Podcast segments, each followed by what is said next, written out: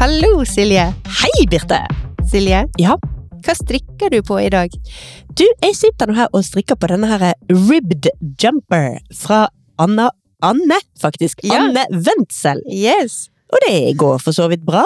Altså, Merkelig nok, på dette prosjektet her, så kjenner jeg på en slags sånn uro, eller hva jeg skal kalle det, for at dette kanskje egentlig ikke kommer til å bli et uh, favorittplagg for meg. Å nei. Nei, altså, jeg vet ikke. Altså, denne her eh, jumperen, den Ja. er ekstremt vid under ermene, eller under mine armer, Ja. på ermene. Og det er, altså, den er sånn jeg nevnte vel dette forrige uke, at det er nesten sånne flaggermusermer på denne her genseren her. Ja. Og det er jeg egentlig ikke 100 sikker på om jeg liker. Altså, er, er det noe for meg? Ja. Nei, altså, jeg har tenkt litt på at den er vid og fin i armene. Jeg syns jo det er jo noe av det som gir en litt sånn fin, avslappa fasong på mm. genseren. Men det kan jo selvfølgelig bli litt upraktisk. Eh, altså, får du plass til ermene i ei jakke, for eksempel? Jeg, jeg vet jo ikke. Jeg har jo kommet et godt stykke på vei, men jeg, den er jo langt ifra ferdig. Ja. Jeg, jeg hadde en sånn flaggermusaktig genser for mange år siden, og den, den likte jeg veldig godt. Brukte den masse. Men det er jo lenge siden, og jeg vet rett og slett ikke. Altså, så nå føles det som jeg bare må fer strikke ferdig denne genseren, ta den i bruk, og så skal jeg gi en utfyllende rapport på om dette er et plagg for meg eller ikke. Den er i hvert fall både enkel og kjekk å strikke, og det fungerer veldig fint å strikke med sånn én tråd pelsullgarn fra Hillesvåg, og så forskjellige mohairtråder. Det blir litt sånn ulike striper med sånn sjatteringer av grønntoner. Ja. Det tror jeg egentlig blir veldig fint. Ja, det tror jeg også. Jeg har jo sett eh, strikketøyet ditt, så det ser jo kjempefint ut. Men det er klart, det slår meg av til at det der er noen gensere, altså strikka gensere, både på grunn av fasong, men også av og til på grunn av eh, materialet, altså garnet, som gjør at eh, det er ikke alltid like enkelt å få disse genserne inn under ei jakke eller ei kåpe eller hva det nå skal være. Nei, og vi som bor i Bergen bruker jo eksepsjonelt mye regnjakker. Ja. Der er det, jeg har en del gensere som stappes godt inni de, og som ikke er over, altså de ikke, imponerer ikke med sin eh, komfort under eh, en, eh, en regnjakke. Nei. Så på et eller annet tidspunkt skulle jeg kanskje ha strikket meg en praktisk genser som var litt trang på ermene. Ja. Men jeg vet ikke om jeg hadde likt å gå med det. Det, det, Nei, dette der er, det, dette er vanskelig å finne ut av, syns jeg. det er nødt det der, altså. Ja.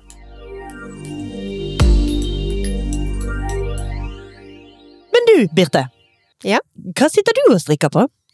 Jeg strikker på Ingen dikkedarer av Petit Nytt. Do not dick with my dar. Jeg har ikke kommet meg til bolen enda, Nei?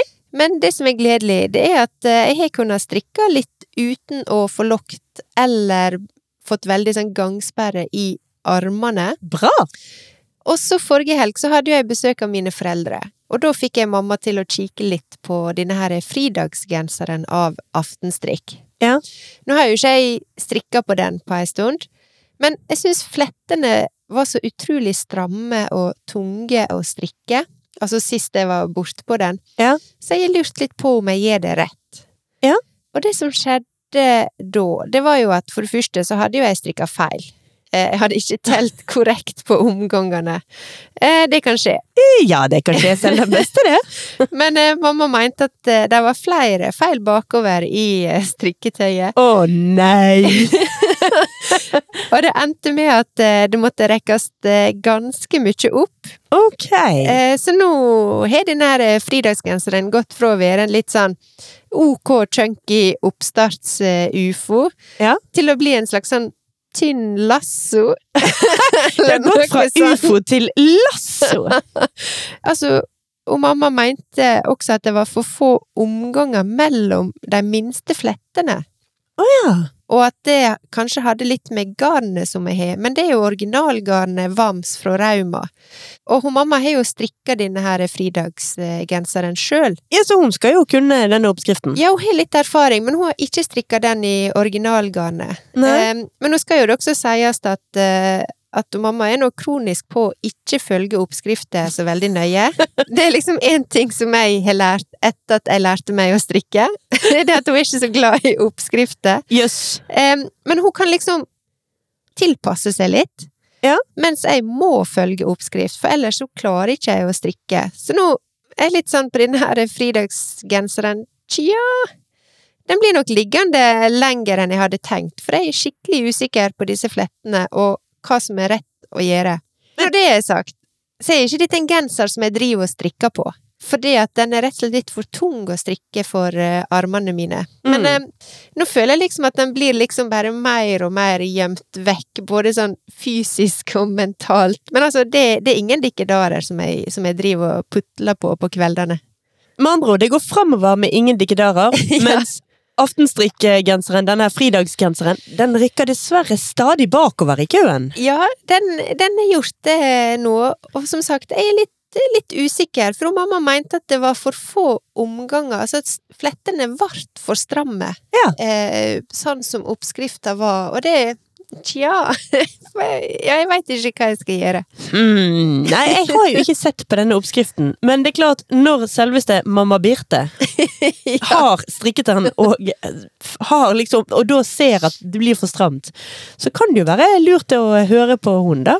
Ja, jeg trenger tydeligvis i hvert fall litt eh, assistanse, og, men en ting som jeg syns er litt kjekt, eh, det er jo at mamma har jo strikka alltid og lenge, men hun lærte å strikke av si farmor. Ja, Som da er mi, altså mi oldemor. Eh, Så det syns jeg, ja, det synes jeg er litt sånn koselig å tenke på. det Da. er kjempefint med å ha de der lange røttene bakover i historien. Ja. Det er noe av det jeg syns er veldig fint med håndarbeidstradisjoner. Men jeg syns også det var gøy når du sa at eh, din mor ikke følger oppskrifter, og du må gjøre det. det. Ja. Det er noe fint med det også. Det er noe med dette her eh, eplet og fallinger fra stammen og alt dette her.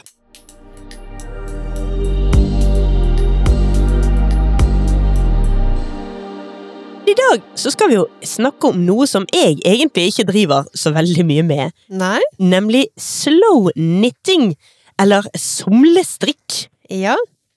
Ja, altså vi skal jo snakke om det å ta seg god tid. Ja. Det er vel det det, er vel det, det handler om. Altså ikke stresse og kave når en strikker. Ja, det er jo det. Altså, det høres kanskje ut som noe rart, for er ikke egentlig all håndstrikking eh, såkalt slow knitting?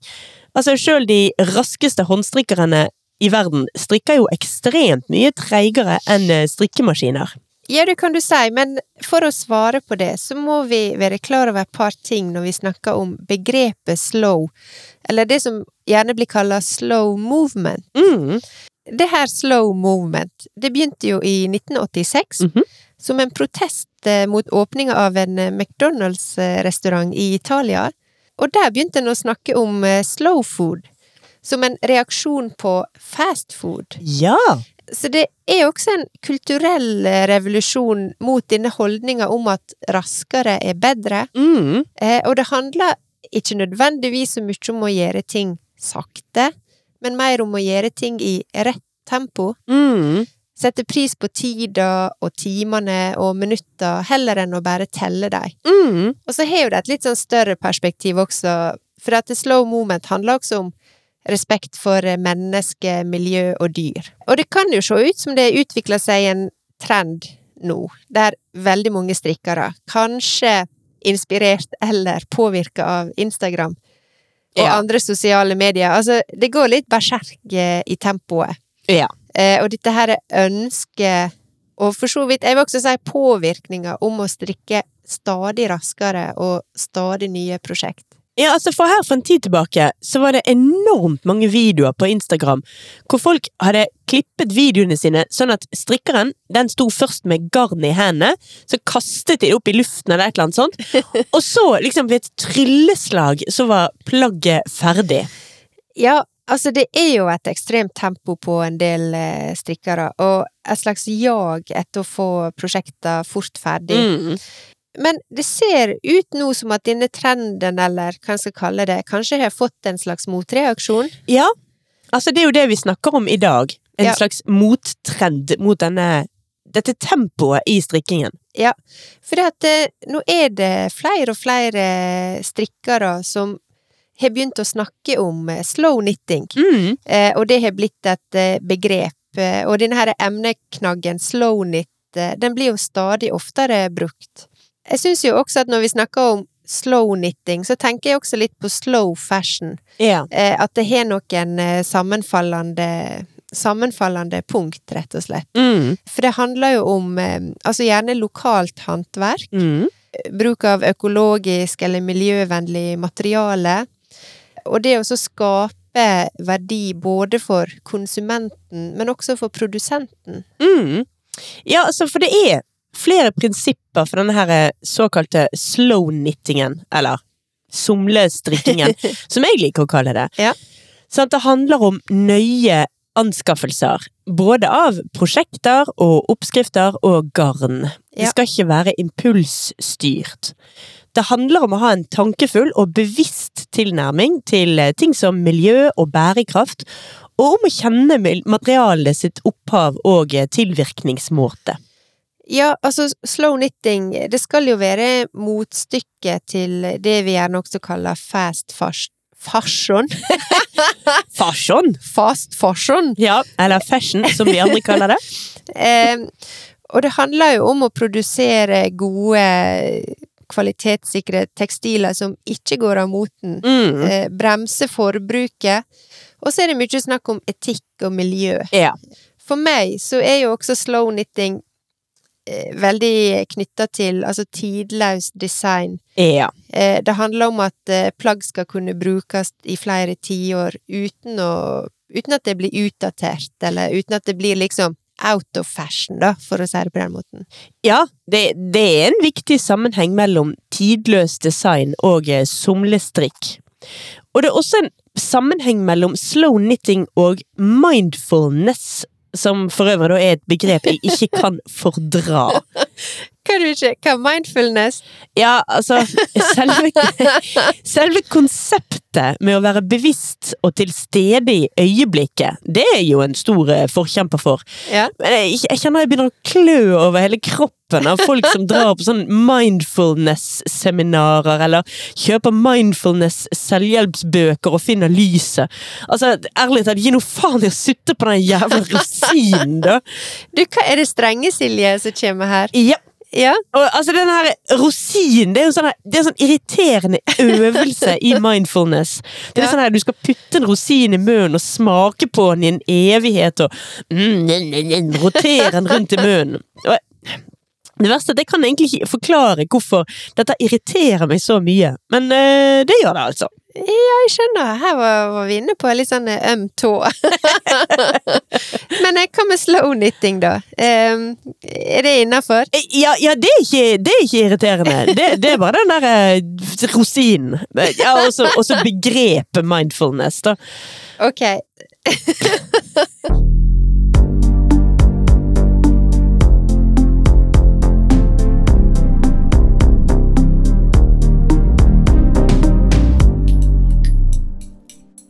Men altså, slow knitting, eh, for å komme tilbake til det, da. Ja.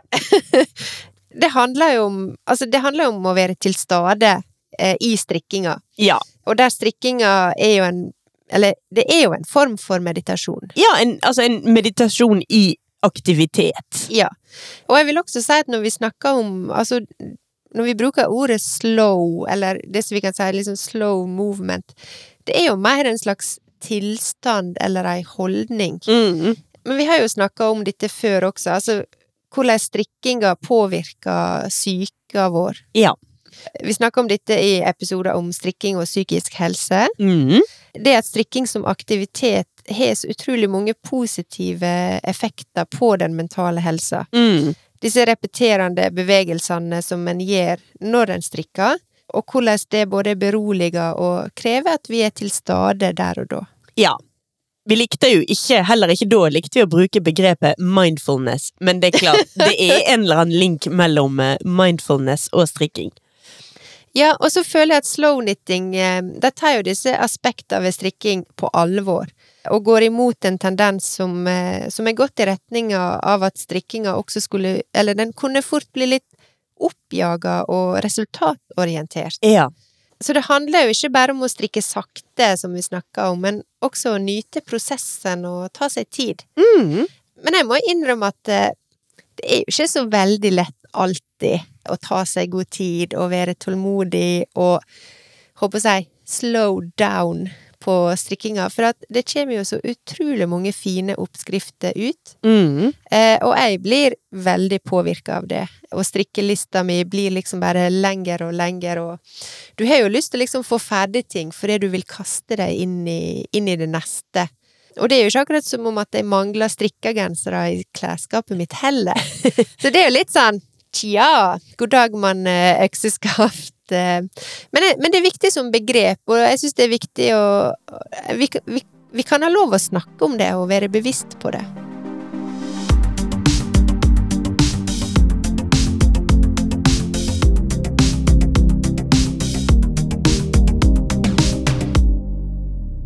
Så i dag så snakker vi altså om eh, slow knitting. Ja. Og vi har jo da allerede teoretisert at dette er en trend som har fått litt sånn ny vind i seilene, fordi det har kommet som en motreaksjon på en tendens hvor strikkingen har gått stadig fortere, Ja. og hvor strikking på et tidspunkt så ut til å handle mer om resultatet enn om strikkeprosessen. Men det, det føles jo litt ut som om hele samfunnet vi lever i, er inne i et slags temposkifte nå. Ja. Altså, nå lever vi i det som begynner å være en sånn ordentlig postpandemi-verden. Ja. For greit nok, covid-19-viruset lever kanskje i beste velgående fremdeles, dessverre. Men samfunnet, det norske samfunnet, er jo nå åpnet igjen. Og tempoet, det har utvilsomt tatt seg helt opp. ja, altså, nå har jo Norge offisielt åpna. Det har det!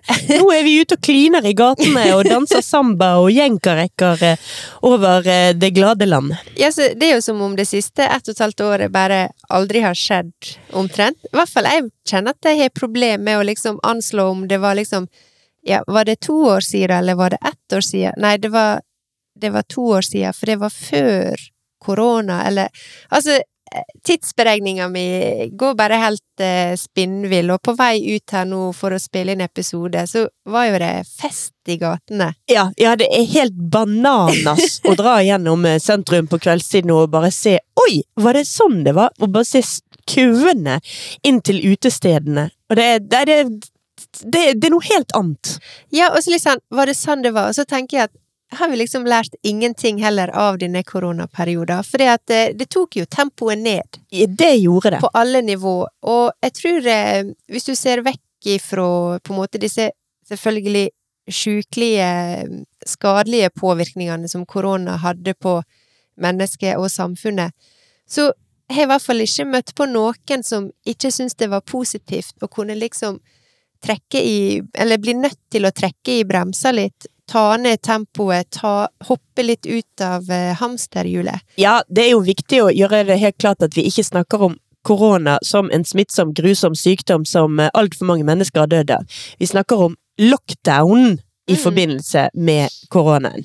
Ja, der ting eh, Eller egentlig der det meste stoppa litt opp, og vi ble liksom tvunget til å ja, til å ta det med ro, være med våre næreste. Mm. Butikkene var stengt, restaurantene var stengt. Vi måtte liksom eh, finne på ting sjøl, men eh, i et betraktelig roligere tempo enn det som er vanlig. Ja, men altså nå ser man dette her eh, med folk som kommer ut fra hjemmekontorene sine, og rushtiden har blitt et fenomen igjen. Ja. Nå skal ungene igjen på trening om ettermiddagen, og altså, nå er det liksom ting som skjer i helgene. Ja.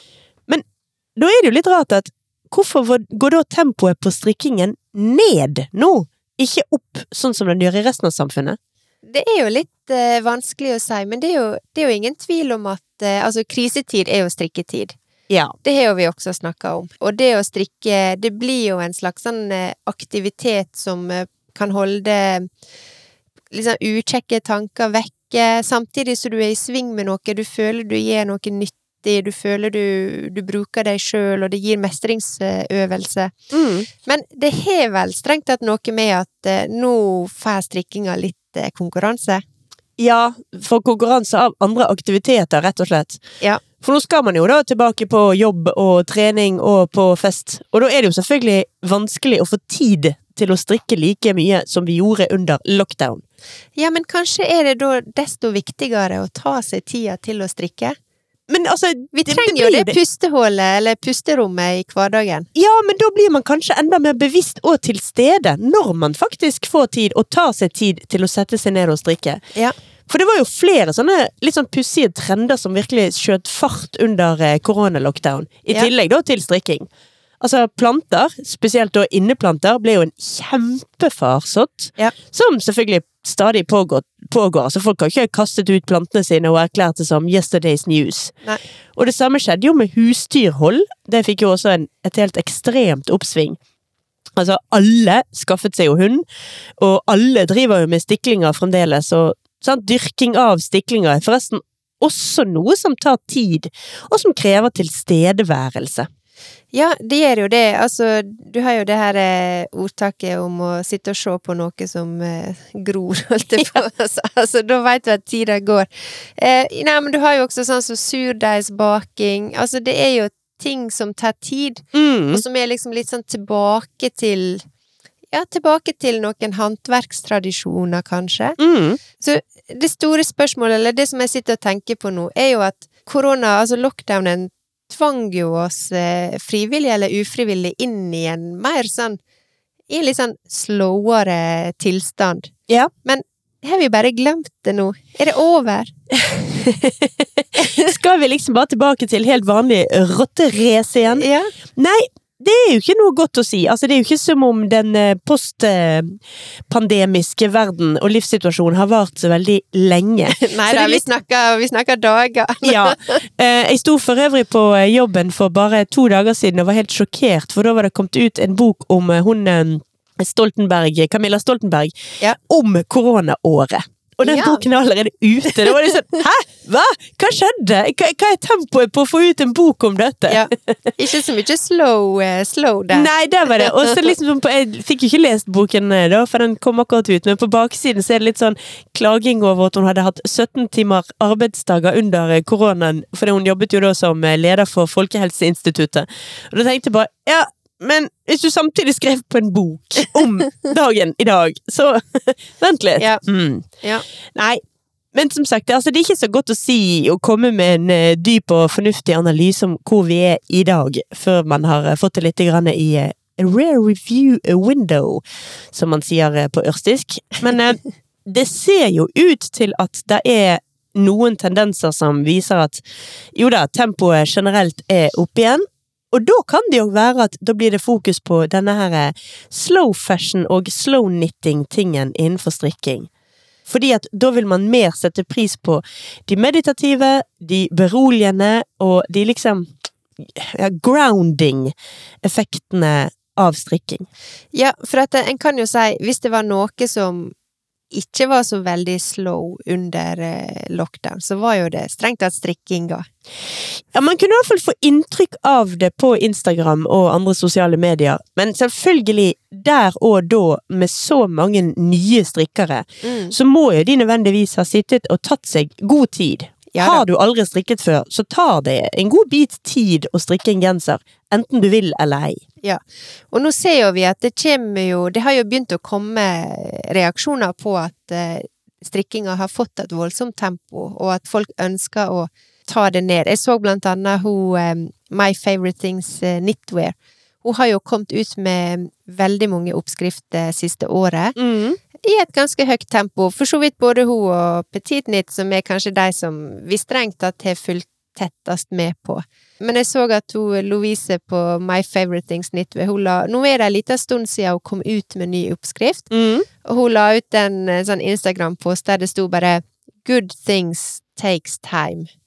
Og da litt sånn, det er jo et, et signal om at eh, ja, nå, vi, kan roe, vi kan roe litt ned. Og jeg så også i kommentarfeltet at folk var litt sånn Yes!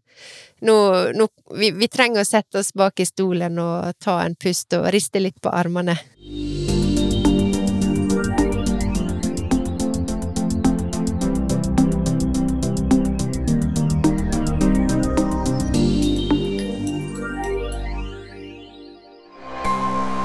Hei! Vi er Silje og Birte fra Strikkeklikken. Vi lanserer nye episoder hver eneste onsdag. Du kan høre oss via Spotify, Apple Podcasts eller hvor du nå enn foretrekker å finne podkastene dine. Følg oss gjerne på Instagram og Facebook at strikkeklikken. Eller du kan gå inn på nettsiden vår www.strikkeklikken.no. Vi høres!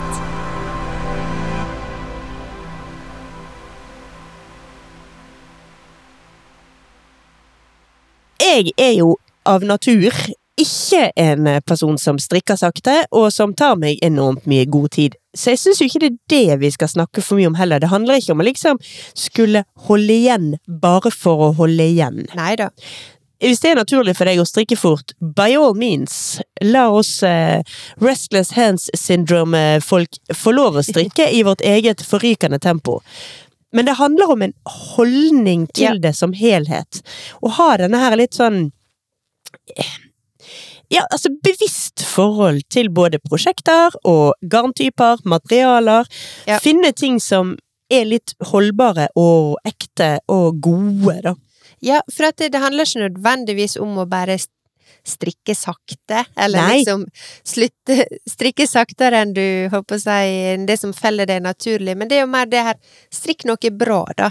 Ja. Strikk noe som du har lyst på, strikk noe som kan være i god kvalitet, og som du veit vil vare. Jeg tror det For meg så er det liksom det det lander på. Og sånn sett så kan man jo si at veldig mange av episodene våre, for ikke å si hele prosjektet Strikkeklikken, på en slags måte hyller faktisk slow knitting. Sant? Vi går inn i materialer, materialbruk, vi har hatt episoder om det, og vi har dratt til forskjellige steder som produserer, og sett på prosessen virkelig fra sau til eh, ferdig genser. Ja. Og vært opptatt av, eller ikke bare vært, vi er Ja. opptatt av eh, veldig masse av disse tingene. Jeg har jo veldig ufrivillig også blitt en slags eh, slow knitter. Ja. Jeg merker jo nå at jeg tar meg ganske god tid når jeg strikker. Mm. Eh, men grunnen til at eh, mitt tempo er gått betraktelig ned, det, det er jo på grunn av denne her senbetennelsen som jeg har slitt med ganske lenge. Ja. Men jeg prøver jo også å være slow litt som menneske.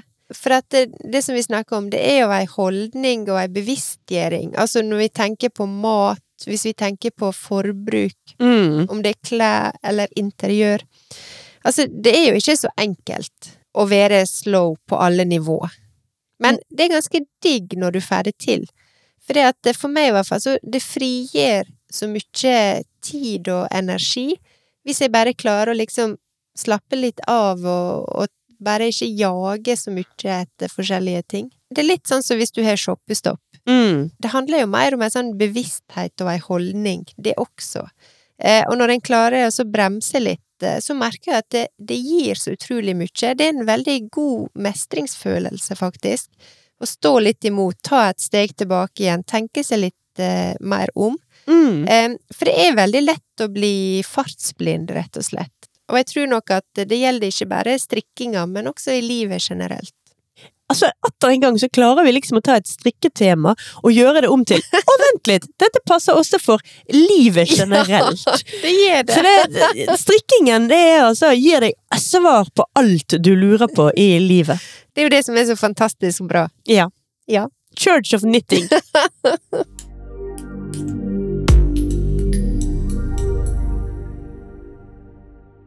Men eh, Birte. Ja? Denne uken har det skjedd en strikkenyhet. Oi! Ja da. Ja. Märtha Louise, selveste prinsessa, Ja. hun har gitt ut en strikkebok. Ja.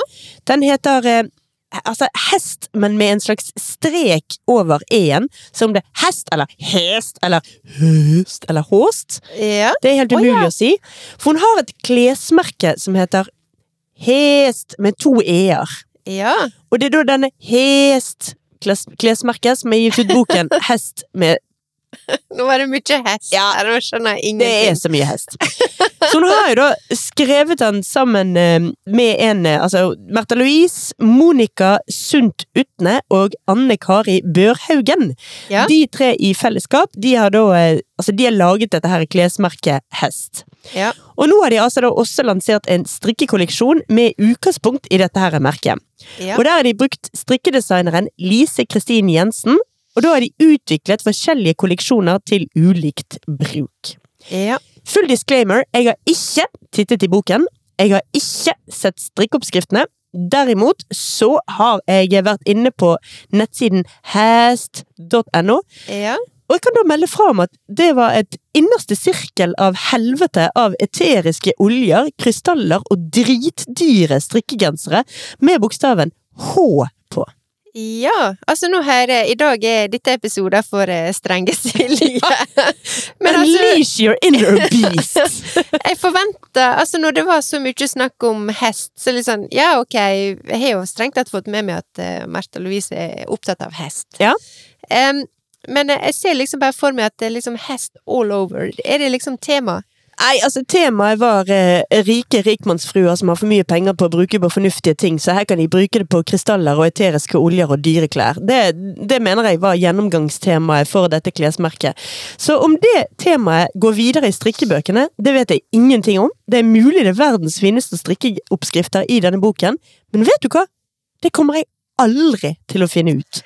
Nei, jeg hører du er skeptisk, eh, og det er nok jeg også. Men krystaller, det er veldig populært for tida. Ikke et vondt ord om krystaller som en stensort. Nei. Krystaller som stensort er en stor tilhenger av. De pene, de, altså. For alt i verden.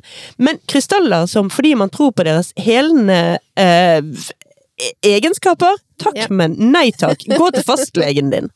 Men eh, jeg ser du har formulert dette her som et lite spørsmål, eh, Silje. Eh, Märtha Lovises si strikkebok, jeg og nei. Hva er, hva er ditt svar? Nei, Hvis ikke det var tydelig, så er det et soleklart jeg fra meg. Nei, selvfølgelig blir det nei! Dette her er jo et rungende nei fra meg. Men Ja, Strenge Silje har også en ukens gladsak. oi, så bra. Ja, Nyhetsreporter Ja. Silje. Det er bra vi har en liten sånn uh, nyhetsrunde her. Nei, altså det er faktisk kommet et nytt hefte fra Rauma. Så dette her nye heftet, det heter Tjukk mohair dame. Oi, det var jo et uh, klingende navn. Ja, og der var jeg inne og tittet litt på oppskriftene, og der var det Ja. flere fine ting. Ja. Spesielt så likte jeg veldig godt eh, oppskriften på en genser som heter Vespa V-genser. Ja. Det var ganske, det så ikke ut som en veldig tjukk eh, genser.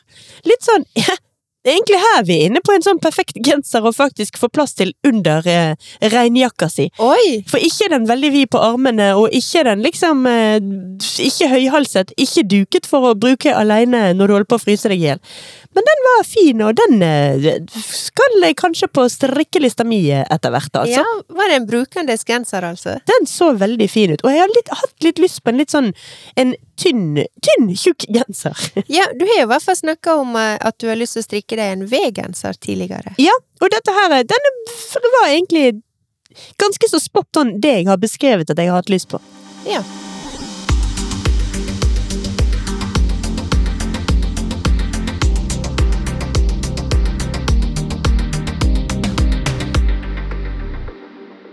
Men bla, bla, bla, bla, bla, bla, bla.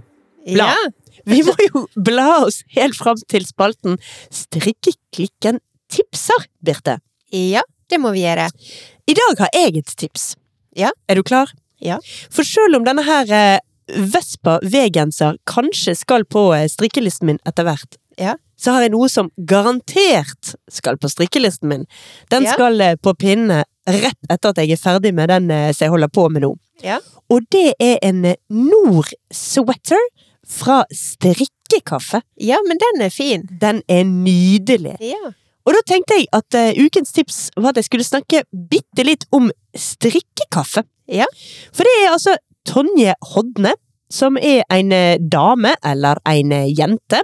Jeg vet ikke helt hvor aldersgrensen går før vi kaller det ene det eller det andre. Nei, det er veldig udefinerbart. for Ja. Det er iallfall en person fra Rogaland som Ja. da nå er bosatt i Oslo. Og gjennom dette her prosjektet Strikkekaffe, så jobber hun med å skape og designe såkalte tidløse strikkeplagg, som Ja. Jodo har snakket om i dag, i forbindelse med slow knitting. Ja. Så hun lager oppskrifter som er for den moderne strikkeren, altså meg. Uh, Jeg bare leste det på nettsiden og kjente oh, for den moderne strikkeren. ja. Yep. I'm down. Yep. Så hun eh, lanserte i januar 2021 så lanserte hun oppskriften på sin første design, og den nevnte jeg da den kom. ja, det stemmer. Den her er Korshavn Sweater. Ja. Den er veldig fin, men for min smak akkurat nå, sånn som den, altså det jeg har lyst på akkurat nå, så er den litt i chunkyeste laget. Ja. Men denne Nord-sweater, den er ikke det. Den er helt perfekt for min smak akkurat nå. Så den eh, skal jeg utvilsomt hive meg på pinne. Dessuten så syns jeg også navnet er veldig koselig. Ja. Det kombinerer jo de to tingene jeg liker best. Strikking og kaffe. Ja. Nemlig strikkekaffe.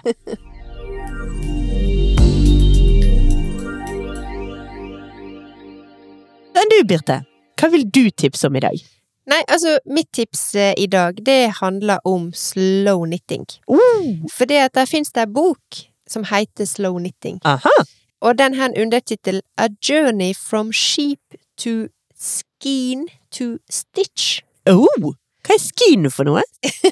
Eh, Jeg er litt usikker på om jeg uttaler det rett, men eh, det betyr faktisk nøste. ja. Ja, så det er liksom ei reise fra sau til nøste til strikk. Ah, ja, men det er jo en reise vi er glad i. ja. En reise vi har fulgt mang en gang. Denne boka er forfattet av Hanna Hanna Thiesen. Hanna Thiesen. Jeg er litt usikker på hva navn hun kommer fra, men boka er på engelsk. Da er det sikkert Hannah Thiessen. Hannah Thiesen. Og denne boka, altså den, for å sitere på engelsk, takes a step back, Mhm. tear down, celebrate the craftsmanship of your work. Altså, ta et steg tilbake, ro ned, og sett pris på liksom håndarbeidet, eller liksom håndverket, og det du gjør, altså det du bruker hendene til. Og den lover at du skal få en litt sånn ny tilnærming og inspirasjon eh, til eh, strikkinga di. Ja. Men vi er jo inne på det som vi snakker om i dag. Det er jo det her slow knitting. Hvordan eh, en kan ta tempoet litt ned, sette pris på det en sitter og holder på med, og ikke bare tenke på eh, neste prosjekt. Mm. Så jeg syns eh, Ja, jeg vil egentlig bare tipse om eh, denne boka for de som har lyst til å dykke litt mer ned i begrepet slow knitting. Og det syns jeg er en veldig god idé. Jeg er bare livredd for at denne boken også oppfordrer folk til å smake på rosinene. For ikke gjør det. Ikke smak på rosinene, men jeg er helt enig i at man skal sette pris på eh, på håndverket, på den taktile opplevelsen det er å strikke, og å nyte strikkingen som egen aktivitet, ikke bare jage etter de ferdige produktene. Ja, og jeg tror det er akkurat det denne boka handler om. Og også, det, jeg las også en setning om liksom å, å finne liksom den, det her meditative i å, å strikke. Mm. Så jeg syns jo Ja, jeg syns det virker som, eh, som ei eh, kjekk bok eh, å bla litt i. Ja.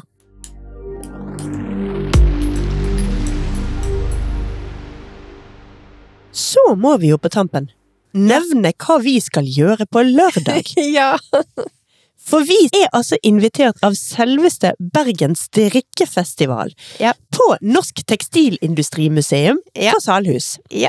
Der skal vi ut på lørdag klokken tre og spille inn podkast live. Altså, den skal jo ikke sendes live på internett, for da måtte vi eh, vært eh, bedre på internett og eh, kabler enn vi er. Ja. Men vi skal gjøre liveopptak Ja. foran publikum. Det skal vi. Vi skal, som du sa, vi skal ikke strømme innspillinga vår.